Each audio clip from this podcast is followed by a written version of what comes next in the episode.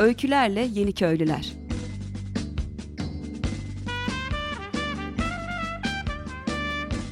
Türkiye'den ve dünyadan kırsala dönüşün öncüleri.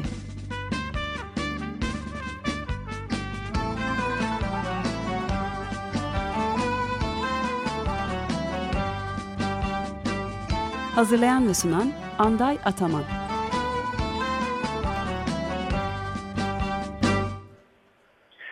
Sevgili Açık Radyo dinleyicileri e, merhaba. E, bugünkü programda ben e, stüdyo dışından Bayramiç'ten telefonla bağlanıyorum. Bayramiç Kızılköy'deyim kendi arazimde. Umut ediyorum ki konuğum şu anda stüdyoda sevgili Durukan Dudu Biga Orman Evi kolektifinden. Onunla bugün sohbet edeceğiz. Durukan beni duyabiliyor musun? E, seni rahatlatayım evet buradayım Anday. Eyvallah. Hoş geldin Durukan. Hoş bulduk sağ ol. Teşekkür ederim. Eyvallah. Ben çok kısa gir, giriş yapayım ondan sonra topu sana atacağım abi. Sen, Hı. şey program sende. Peki. Ee, şimdi e, Biga Orman Evi kolektifi e, e, deyince e, eminim ki açık radyo dinleyenlerin çoğu e, ve ekolojiyle ilgilenen camianın çoğu hemen hemen hepsi zaten Durukan Dudu ismini ve Biga Orman Evi'ni gayet iyi tanıyordur, biliyordur yürüttüğü projelerden. Ee, ben bugün hani e, çok uzun uzun e, Orman Evi ve Biga belki çok kısaca bir varsa hala onu belki Durukan e, kısaca özetler. Ama sonra yürüttükleri önemli proje işte bütüncül yönetim ve şimdi devamında ondan çok ayrı olmadığını düşündüğüm toprak mikrobiyolojisine sanırım giriyorlar. Ee, onlarla ilgili son durumu e, güncelleme aslında konuşmak için bir araya geldik. Öyle planlamıştık. Ee, evet Durukan e, sen nasıl başlarsın? Nasıl tanıtırsın kendini kısaca? Nedir kentten e, köye geçişin öyküsü? Derdin neydi? Ne yaptın? top sende. Tamamdır. şimdi Orman Evi Kolektifi bundan aslında 8 yıl önce kurulmuş bir oluşum. Ve bundan üç buçuk yaklaşık yıl önce de kırsala geçerek e, bir fiil kırsalda bir üretken yaşam e, şeklinde bir mottoyla e, işte kırsal ya da ikinci aşamasına başlamış oldu. toplamda aynı çatı altında yaşayan altı kişiyiz. Bunların bir kısmı kolektif üyesi, bir kısmı uzun vadeli ve kolektif üyesi olma yolunda ilerleyen gönüllüler. Farklı bir var olma ve dahil olma yapımız da var. Bugüne kadar Türkiye'deki ve dünyadaki ve tabii kendi yaşantımızdaki çok farklı deneyimlerden herkesin en mutlu ve en e, verimli yani kendisi için, mutluluğu için ve dünya için verimli olabileceği e, noktayı yakalaması için yarattığımız bir aslında özgün sistem de var orada. Yani bu işin sosyal boyutunun ne kadar önemli olduğu hep konuşulur.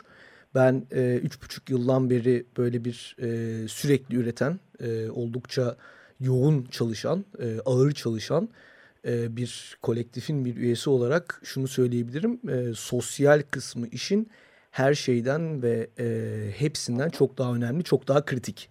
Yani insansız e, birbirleriyle doğru e, etkileşimlerde bulunan ve doğru bir e, bunun altyapısını oluşturmuş yani hukuk anlamında bile altyapısını oluşturmuş bir grup insan olmadan hiçbir şey olmuyor. E, bu şekilde bir grup insan olduğu zaman her şey oluyor. Yani Orman Evi Kolektif de bu anlamda medeniyeti yeniden inşa etmek gibi bir tabii ki çok uzun vadeli ve bir hayali e, hedef, ütopya kendisine koyarak, önüne koyarak ortaya çıkmış ve ilerlemekte olan, devam etmekte olan bir oluşum, bir e, ortak yaşam, üretim ve tüketim birliği. Kendine öz e, bir takım e, özgün kuralları ya da kuralları demeyelim ama altyapılı, altyapısallığı olan bir oluşum. Şimdi bu bahsettiğim bütüncül yönetim ve e, toprak mikrobiyolojisi gibi, onarıcı tarım gibi kavramlar ve bunlar üzerindeki çalışmaları biz daha çok Orman Evi kolektifinin içinden çıkmış olan bir oluşum olan Anadolu Meraları e, üzerinden, Aha. onun e, üzerinden yapıyoruz. Burada ikisinin arasındaki ilişki bazen kafa karıştırıcı olabiliyor. Tanıdıklardan arkadaşlarına abi bir dakika şu anda Anadolu Meral olarak mı konuşuyorsun yoksa Orman Evi Kolektif olarak mı konuşuyorsun diye sorular gelebiliyor. E, haklı da sorular. E, ama bir yandan da neyin ne olduğunu iyi belirlemek gerekiyor. E, özellikle kırsalda bu tür kolektif yaşam şeylerinde herkesin kafasının net olması gerekiyor. Neyden bahsedildiği konusunda. Onu da şöyle biz e, açıklıyoruz. Orman Evi Kolektifi bir toplumsal tahayyül. Kolektif bir toplumsal tahayyül ve bunun e, vücuda gelme hali. Anadolu meraları da onun şu anda içinden çıkmış olan e, oluşumlardan, dallardan, budaklardan bir tanesi. Yani yarın mavi terlikler e, sanat e, işte oluşumu çıkabilir. E, işte mavi terlikler de niye aklıma geldi bilmiyorum ama mavi terlikler güzel isim. Bir şey vermiş olalım. İşte e, kırmızı antenler e, işte müzik e, şeyi çıkabilir. Yani bu tür çok farklı oluşumlar çıkabilir. Anadolu Meraları onlardan bir tanesi. E, bizim burada yaptığımız bütüncül yönetim onarıcı tarım e, Açık Radyo'nun e, birkaç programına en azından konu olmuş Aha. bir mesele. O yüzden orayı çok hani uzun uzun da anlatmayayım belki ama bunun belki de kırsala gidiş e, meselesiyle nasıl bir bağlantısı olduğundan bahsetmek e, iyi olabilir. Çünkü yani biz özellikle kırsala gidiş diyoruz bir de dönüş demiyoruz. E, kırsala dönmek isteyenler olabilir. Yani ona hiçbir itirazımız yok. Bu güzel de bir şey. Ama bizim bahsettiğimiz mesele biraz daha kırsala gidiş. Bu ikisinin arasındaki fark da kırsala bir e, olumsuz durumdan uzaklaşma amacıyla kırsala e, dönmek, kırsalın e, kollarına kendini bırakmak olabilir hayatınızdaki amaç. Örneğin en basitinden şehir yaşamından bunaldığınız için kırsala dönmek istiyor olabilirsiniz. Veya işte şehir yaşamındaki e, iş e, şekilleri, üretim e, ilişkileri sizi e, tatmin etmiyor olabilir, sizi rahatsız ediyor olabilir. Bu yüzden kırsala gidiyor olabilirsiniz, kırsala dönüyor olabilirsiniz. Biz ise biraz daha e, şehirde ya da işte e, nerede olduğundan bağımsız olarak bir hedefle ve doğrudan kırsala gidiş halinden bahsediyoruz. Burada da onarıcı tarım e, ve bunun bir parçası olan bütüncül yönetim, Anadolu Meraları'nın Türkiye'de e, işte Sevr Enstitüsü'nün e, parçası olduğu, temsilcisi olduğu bütüncül yönetimin önemli bir rol oynadığını düşünüyoruz. Bir iki sebepten. Bunlardan bir tanesi e, tarım çok eğlenceli olabilecek ve mevcut haliyle çok sıkıcı bir iş. Sıkıcıdan kastım şu. E, gidin dolaşın Anadolu'da köyleri ya da işte e, farklı üreticileri. Hiçbir yaptığı işten zevk almıyordur. Yani çok küçük evet. bir azınlıktır zevk alan. Çünkü tarım şu anda formüllere dayalı, bir takım kalıplara dayalı, bir takım ezberlere dayalı ne yazık ki ve dolayısıyla ne maddi olarak ne manevi olarak tatmin et eden yani ikisinde de tatmin etmeyen bir e, üretim e, biçimi haline geldi. Ve bu inanın e, onarıcı tarım bu noktada, bütüncül yönetim bu noktada tarımı yeniden çok yaratıcı. Hani Foucault'un bir lafı var ya tarım aslında insanın kendini yetiştirmesidir e, minvalinde çevirebileceğimiz.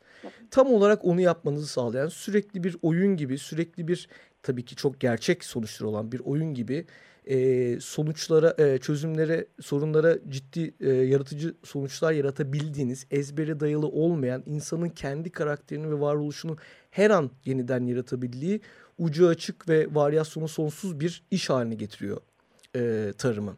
Bunun e, kırsalda mevcutta yaşayan insanlar üzerinde de ciddi etkisi oluyor. Yani biz bunu doğrudan kendi yaşadığımız bölgede, köyde gözlemliyoruz e, biz üretim ağırlıklı bir yaşam e, içinde olduğumuz için tarımsal ve yani ziraat ve hayvancılık Hı. ikisi de yoğun olduğu için e, köydeki diğer hanelerle sürekli işte beraber bir şey yapıyoruz, alet veriyoruz, alet alıyoruz falan. Orada çok net onun etkisini görüyoruz. İnsanlar bizim e, bu yapma şeklimizden öykünerek e, benzer yollar kendilerine de yaratmaya çalışıyorlar. E, bunun yanı sıra e, şimdi tarım bugüne kadar hani en iyi ihtimalle sürdürülebilir olarak e, tahayyül edildi. Yani baktığınız zaman işte tarımın e, dünyanın e, insanın doğa üzerinde yarattığı en büyük yıkımlardan birinin aracı olduğunu daha yeni yeni öğreniyoruz insanlık olarak. E, yani baktığınız zaman bana sorduğunuz zaman bugüne kadar insanlığın doğayı en çok mahveden keşfi nedir de derseniz ben mesela size saban derim, pulluk derim. yani pul, pulluk derim yani nükleer silahlar, işte tank, top, tüfek, petrol falan değil. Pulluk. Evet çok daha küçük onların etkisi gerçekten. E, evet yani karşılaş ve şey değil yani e, sırf iklim değişikliği üzerinden baktığınız bile devasa e, yani milyarlarca e, gigatonluk bir e, şeyden bahsediyoruz. E, salıma e, sebep olan bir araçtan bahsediyoruz.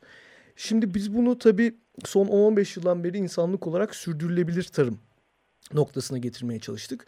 Hani orada da daha fazla bozmayalım oldu şiarımız.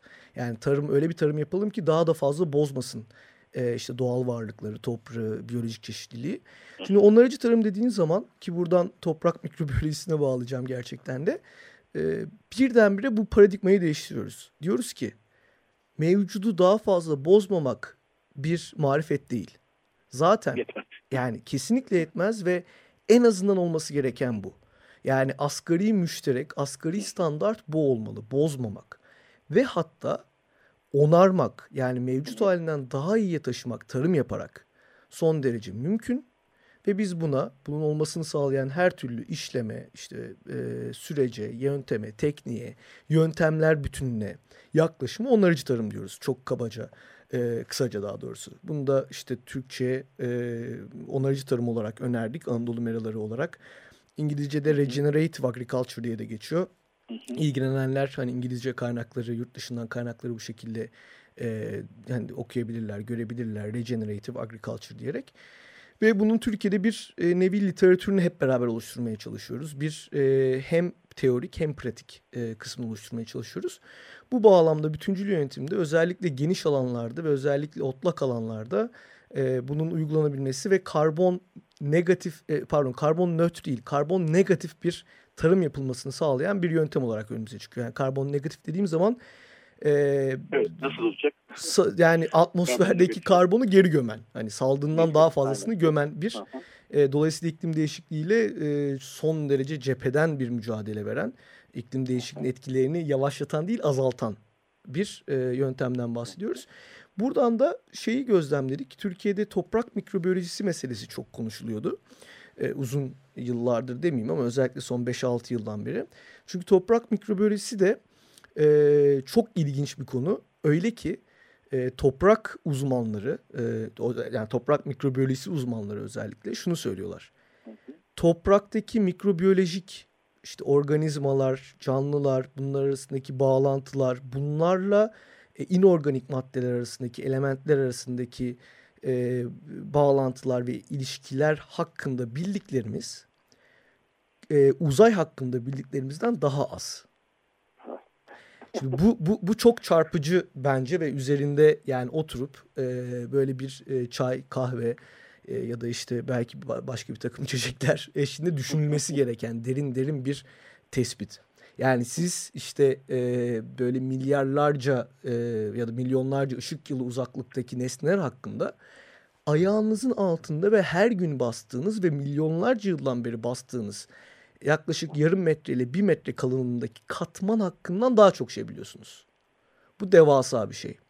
Ve e, öyle şeyler öğreniyoruz ki bir yandan e, insanın dudağını uçuklatıyor toprak hakkında. Bununla ilgili özellikle son yıllarda yapılan çok ciddi çalışmalar hem teorik hem pratik çalışmalar var. Bunlarla ilgili en e, hani öne çıkan isimlerden bir tanesi de öncelikle Avustralya'dan Kristin Jones oldu. Kadın bir e, toprak uzmanı. Özellikle kadın dedim. E, devamını getireceğim. Bunun hemen ardından ikinci kuşakta da yine Amerikalı e, bir toprak uzmanı Elaine Ingham ve ve o da kadın. Yani toprak konusuyla kadınların ilgilenmesinin, kadınların bu konuda uzmanlaşmasının e, yani toprağın e, e, şimdi doğurganlık demeyeceğim yanlış kelime o. E, yani tohum meselesiyle de kadınlar ilgilenir biliyorsunuz. Yani tohumu bugüne Evet, kadar ıslah evet, etmiş olanlar kadın. işidir. Erkek Evet. avcıdır, yok edicidir, işte e, biçicidir, kırıcıdır, dökücüdür. E, işte kadın da yeniden onu yaratandır, düzenleyendir. E, ve toprakta böyle bir inanılmaz e, onarıcı, sağaltıcı, şifa verici etki üzerine çalışanlar da kadınlar. Bu bence yani yine üzerine düşünülmesi gereken önemli bir kısım. Neyse, e, Ellen Ingham bu konuda çok ciddi çalışmaları var ve bozulmuş, kötü durumdaki bir toprağın mikrobiyolojisinin incelenerek, o mikrobiyolojinin ihtiyaç duyduğu işte e, girdilerin ya da süreçlerin çok basit yöntemlerle yani öyle atla deve değil, yüksek teknolojiyle değil, herkesin evinde neredeyse yapabileceği e, yöntemler nasıl uygulanabileceğini e, araştırdı ve çok güzel sonuçlara ulaştı. Tabii bir yandan da basit bir konu da değil, çok karmaşık. Yani eğitmeni olmak için yaklaşık 3 yıl eğitim aldığınız bir e, meseleden bahsediyorum. Bununla ilgili Türkiye'de bir de eğitim düzenleyelim dedik. E, ve Elaine Ingham'ın asistanı e, Molly Haviland'ı e, Anadolu Meraları olarak çağırdık. e, Aysun'un e, Aysun Dısıççı'nın çiftliğinde gün dönüm çiftliğinde evet bir eğitim düzenlik çok güzel de bir eğitim oldu katılımcılar da çok memnun kaldı önümüzdeki haftalarda e, geri dönüşleri de her zaman olduğu gibi İnanadolu Meraları'nın web sitesinden paylaşacağız insanların yorumlarını. E, tabii bütün bunlar birkaç olumlu etki yaratıyor e, Anday. Bir tanesi ve bence en önemlisi umut veriyor. Yani evet. insanlar yani ben kendim biliyorum daha önce de yine bu radyoda bunları söyledim. Ben bir iklim değişikliği aktivisti olarak girdim aslında tüm bu e, sulara diyeyim. Yani işte bundan e, 2000 kaç 2009'daki Kopenhag zirvesinde Ömer abi, ben işte Ümit, Mahir e, falan beraber oturup işte program yapıyorduk. Ben, ben o sırada e, işte 24 yaşında bir işte, üniversite öğrencisi olarak işte iklim değişikliği aktivisti olarak falan orada bulunuyordum. Onların onlardan bir şey öğreniyordum. Yani bu şekilde başladı benim sürecim.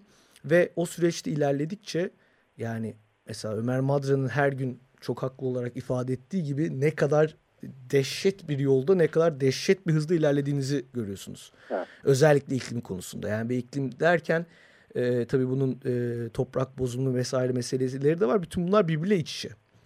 Ve ben bilinçli karamsarlık dediğim bir e, noktadaydım. Yani tamam biz bunun mücadelesini verelim ama yani yapacak hiçbir şey de yok işin aslı. Yani hani yarın işte her zaman söylenen şey yarın sabah işte bütün şalterleri kapatsak 50 yıl boyunca ısınmaya devam ediyoruz. Devam yani, edeceğiz. Ve şu anda zaten e, birçok eşiği aşmış durumdayız. E, yani iklim değişik konusunda bir 50 yıl daha devam edeceğiz. Yani işte ben 30 yaşındayım 50 daha yaşam. Yani 80 yaşında ben ölene kadar yarın sabah şalterleri kapatsak bu dünya giderek kötüye gidecek. Bu, bu, bu nasıl bir cümle? Yani bu cümleyi duyan bir insanın bence akıl sağlığını koruması için çok ciddi bir e, manevi güce, umuda sahip olması lazım. E, ben zaten bu yüzden de e, takdir ediyorum e, iklim değişikliği çalışan insanları. Bir sebebi de bu takdir etmemin. E, çok zor bir şey. Yani bunu bilerek buna rağmen mücadele etmeye, bir şeyler yapmaya çalışmak. E, bu noktada bu onarıcı tarımla e, tanışmak ve bunun etkilerini işte yavaş yavaş tabii yaklaşık 3 yıl süren bir sürede araştırmak, görmek, denemek, incelemek, e, deneylerini yapmak, e, işte aa oluyormuş diye bunu kendi gözlerimle bir kez daha gözlemlemek falan. Bunlar bana dehşet bir umut verdi. Ve işte bu tür eğitimleri düzenlediğimizde ya da bu tür söyleşiler yaptığımızda her seferinde bunun insanlara ne kadar ciddi bir umut verdiğini ben görüyorum. Yani e, eğitime giren insanın o gözlerindeki işte e, mutsuzluk veya işte çöküş ya da işte biraz o bıkkınlık haliyle çıkarken ki o enerjisi arasındaki fark bile tek başına ya galiba güzel bir şeyler yapıyoruz dedirtiyor. Açık Radyo tarihindeki muhtemelen en uzun monoloğu yaptım. Şimdi saatime baktım. 15 dakikadır aralıksız konuşuyorum. Çok, çok güzel. Şöyle bir nefesleneyim ben. Buyur. Evet. Seni istersen birkaç dakika dinlendirelim. Ee, bir şarkı arası verelim kısa. Harika ee, olur. Bugün e, Nazım Hikmet'in ölüm yıl dönümü biliyorsun. O yüzden e, Selahattin e, bizim için bir şarkı e, çalacak Nazım Hikmet'ten. Evet şimdi e, Nazım Hikmet'ten şarkımızla devam ediyoruz. Sen de şöyle bir nefes al dinlen. Tamam. E, bir üç dakika sonra e, devam edeceğiz. sevgili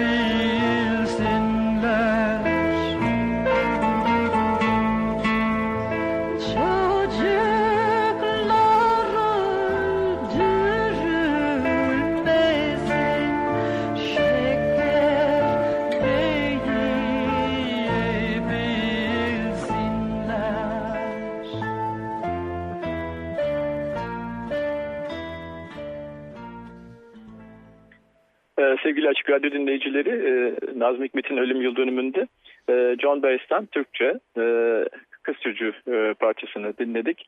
Öykülerle Yeni Köylüler e, programı e, canlı yayında stüdyo konuğumuz e, Viga Ormanevi kolektifinden e, sevgili Durukan Dudu'yla e, devam ediyor. E, Durukan bir dört dakikamız e, kaldı çok e, şarkı sonrasında. Hı hı. E, çok kısa aslında sana bir şey sormak istiyorum. Şimdi e, Anadolu meralarının e, iş şeyleri paydaşları artıyor. E, Bayram işte de şimdi Kızıltepe e, uygulamalara başladı. Evet. E, bu e, Elaine'in ben uzun süredir aslında takip ediyorum. E, bu Soil Food Web e, sayfasından web sayfasından e, uygulamalarını. E, eğitimleri online eğitimleri de var ama e, maliyetler biraz yüksekti. Evet. E, şimdi burada Anadolu meralarının e, hani burada insanlar eğitim aldıktan sonra e, biz bu hani insan ölçekli diyebileceğim böyle kendi uygulayabileceğimiz arazide tarzdaki e, uygulamalarla ilgili Türkiye'de kendi e, eğitmenlerimizden Türkçe eğitim alma şansımız olacak mı?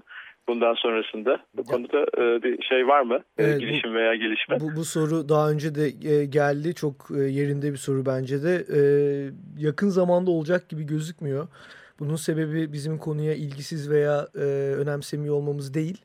Bunun sebebi e, mevcut e, işte iş yükü ve e, insan kaynakları diyelim. insan varlığımız Anladım. içerisinde yani bunun apayrı bir yer tutması ve gerçekten bu meselenin de yani eğitim anlamında en az 1-2 yıllık bir tecrübeyi e, istiyor, gerektiriyor, gerektiriyor evet. olması. Çünkü hem biyolojinin hem kimyanın hem de yaşam biliminin aslında kesiştiği bir noktada ciddi uygulama da yap, yaparak bir deneyim elde etmek gerekiyor. Ama biz hani önümüzdeki yıllarda da böyle e, geçen sefer işte bu yıl yaptığımız gibi e, hani Türkiye koşullarında yani e, makul ücretlerle eğitimleri yurt dışından eğitmenler ayarlayabildiğimiz sürece iyi eğitmenler bulabildiğimiz sürece yapmaya istekliyiz, gönüllüyüz, e, şeyiz e, ne derler? E, böyle bir sorumluluğu da hissediyoruz üzerimizde. 2-3 e, dakikamız kaldıysa ben de hemen e, bir iki çok böyle hızlı bir şeyden bahsedeyim mi? Galiba iki dakikamız falan tamam. var. Tabii ki tabii tamam. ki. iki, ee, iki tamam çok güzel. Ya şey aslında şimdi bu tam da hani ücretler dedin e, yurt dışındaki eğitimlerin e, online ücretleri e, çok alakasız ama oradan böyle kendime bir kapı açarak girmeye çalışacağım. yani bu özellikle çünkü senin programını ben takip ediyorum e, canlı olmasa da podcast'ten.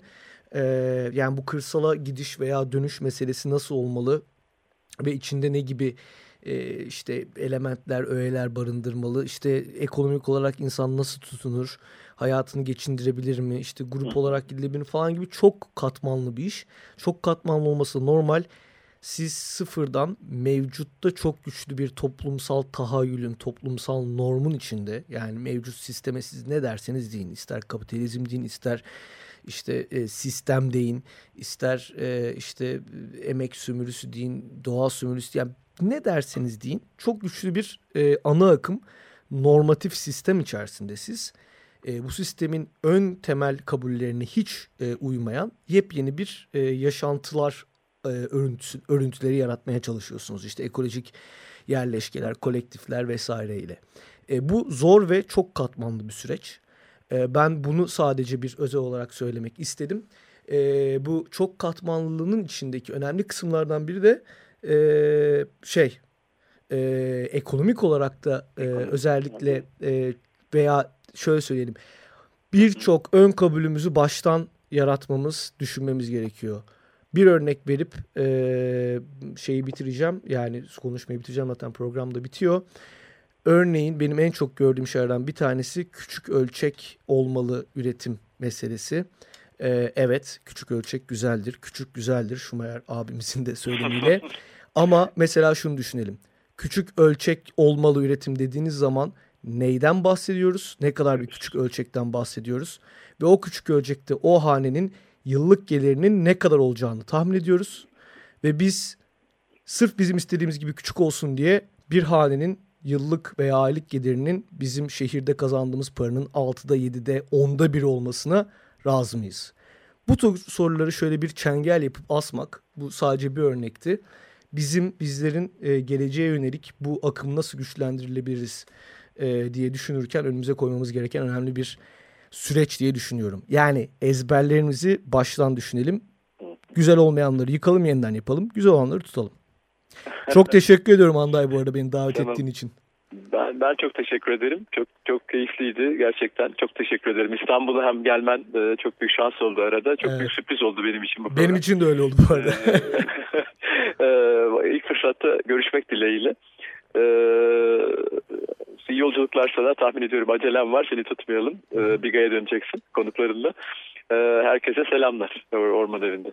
Ee, Peki ben kapatıyorum programı o zaman yavaştan. Ee, sevgili Açık Radyo dinleyicileri, e, e, Öykülerle Yeni Köylüler programı Cuma günleri saat 14'te e, 94.9 Açık Radyo'da ve internet e, sayfamızdan izlenebiliyor.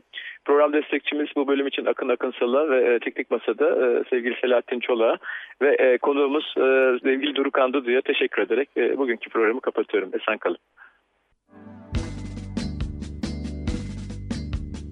Öykülerle Yeni Köylüler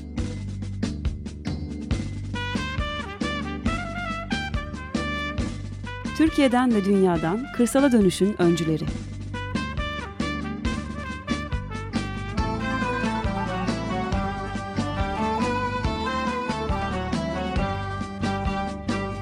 Hazırlayan ve sunan Anday Ataman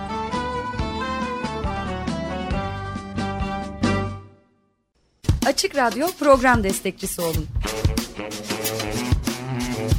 Bir veya daha fazla programa destek olmak için 212 alan koduyla 343 41 41.